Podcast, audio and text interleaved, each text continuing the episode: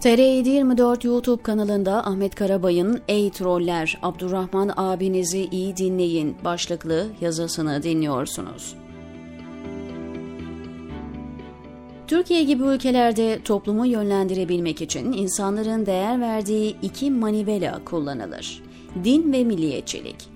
Hurafelerle doldurulmuş kavramları din kisvesi altında sunar, her türlü pislikte devletin yüce menfaati adı altında milliyetçilik olarak pazarlanır. Bu kavramların arkasına sığınılarak yapılmayacak U dönüşü yoktur. Kamuoyu bugünlerde ekonomik anlamda çıkış yolu kalmayan Tayyip Erdoğan'ın keskin dönüşlerini konuşuyor. Muhalefet dün dediğini bugün çürüten, dün kara dediğine bugün ak diyen Erdoğan'ı bu yönüyle yıpratmaya çalışıyor. Erdoğan'ı böyle yaparak yıpratmak imkansız. Sebebi çok basit. Çünkü Erdoğan kendini din ve milliyetçilik standartlarını kontrol edecek bir makamda konumlandırdı. Tarikatlar ve cemaatleri göbekten bağlayarak kanatları altına aldı. 35 milyar TL'lik bütçesiyle 7 bakanlığın bütçesini geride bırakan Diyanet zaten emri altında. Erdoğan bu yolla din ve dini kavramları istediği gibi kullanıyor. Beştepe Sarayı MHP ile yaptığı mantık evliliğiyle de milliyetçiliği tek eline aldı. AK Parti ve MHP tüzel kişilikleri birbirlerine öyle güç pompalıyor ki Erdoğan dışında dini, Devlet Bahçeli dışında milliyetçiliği temsil edecek kimse yokmuş havası veriliyor. Bu ikisi dışında kim din ve milliyetçilik kavramları üzerine konuşacak olursa dışarıdan müdahale edilmiş algısı oluşturuluyor. Süleyman Demirel, siyasi yasaklı olduğu 1980'li yıllarda merkez sağın liderlik koltuğuna Turgut Özal oturduğunda tapulu arazime gece kondu yaptırmam çıkışını yapmıştı. Şimdi din ve milliyetçilik sanki Erdoğan'ın tapulu malı gibi bir algı topluma kabul ettirilmiş durumda. Bu iki konuda başkalarının yaptığı yorum tapulu mala saldırı olarak pazarlanabiliyor. Dini temsil yetkisinin sizde olduğunu topluma kabul ettirdiğinizde Darül Harp diyerek ülkeyi soymanın normal bir şey olduğunu insanlara inandırabilirsiniz. Öte yandan dini hayatın her alanında hakim kılmaya çalışma girişiminize karşı gelenleri susturmak için de buraların binlerce yıllık İslam toprağı olduğunu söylersiniz.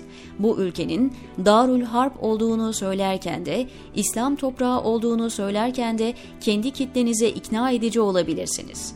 Her ikisinde de sizi alkışlarlar. İnananlar o an ne gerekiyorsa onu yapıyor diyerek sizin arkanızda saf tutar. Örneğin MHP lideri Kürtlere Öcalan'ı niçin dinlemiyorsunuz diye çıkışabilir.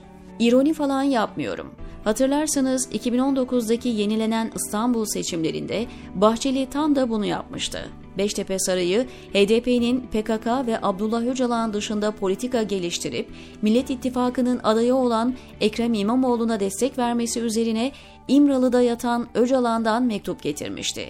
Siyaset stratejisini Kürt muhalifliği üzerine kuran Devlet Bahçeli de bir açıklama yaparak HDP'lilere APO'nun sözünü neden dinlemiyorsunuz diyerek kızmıştı ve bu ülkede bir tane ülkücü de çıkıp bu yaklaşımı eleştirememişti.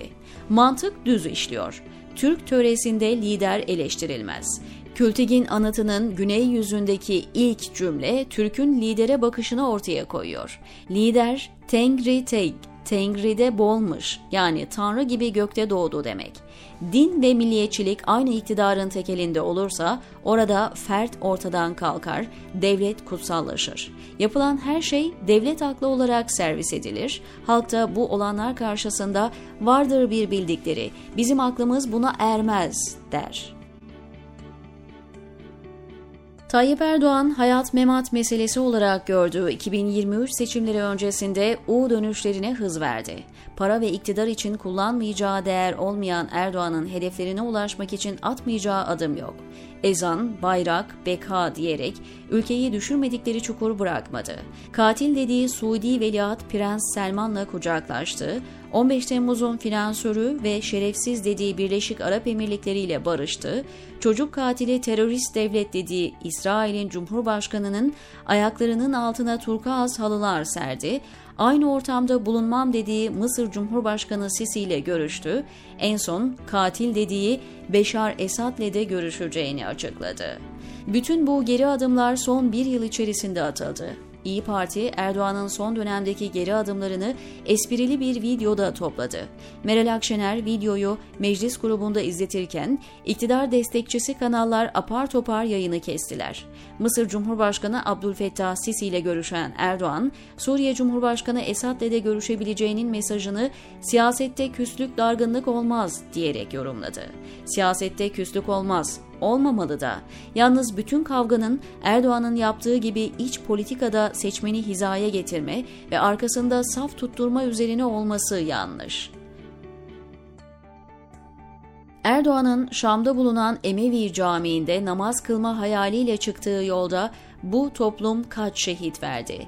Kaç milyon mülteciye kucak açtı? Bunlar için kaç milyar dolar para harcanmasına katlandı?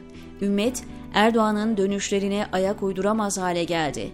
Bundan dolayı yıllarını AK Parti iktidarına hizmet ederek geçiren yazar Abdurrahman Dilipak, Erdoğan'ın gösterdiği hedefe ateş eden yandaşların kulağına küpe olacak bir uyarı yaptı. Patronlarına inanıp güvenmemelerini söyleyen Dilipak, ya patronunuz fikir değiştirir ya da şartlar değişir, zorda kalırsınız dedi. Trollere uyarı, patronlarınıza inanıp güvenip onların her yaptıklarına destek verip karşınızdakilere saldırmayın. Yarın şartlar değişir, patronunuz fikir değiştirir, siz zor durumda kalırsınız. Dünya ve ahiret açısından yazık değil mi size?'' Değişimin kokusunu iyi aldığı bilinen Abdurrahman Dilipak, yandaş fedaileri uyarıyorsa bunu ciddiye alın. Dilipak toplumun fay hatlarını iyi görür. Topluma din ve milliyetçilik dozunun eski etkiyi yapmayacağını görmeye başlamış mı dersiniz? Dozaj konusunda emin değilim ama Dilipak söylüyorsa ciddiye almalı. Benden söylemesi, diyor Ahmet Karabay TR724'deki köşesinde.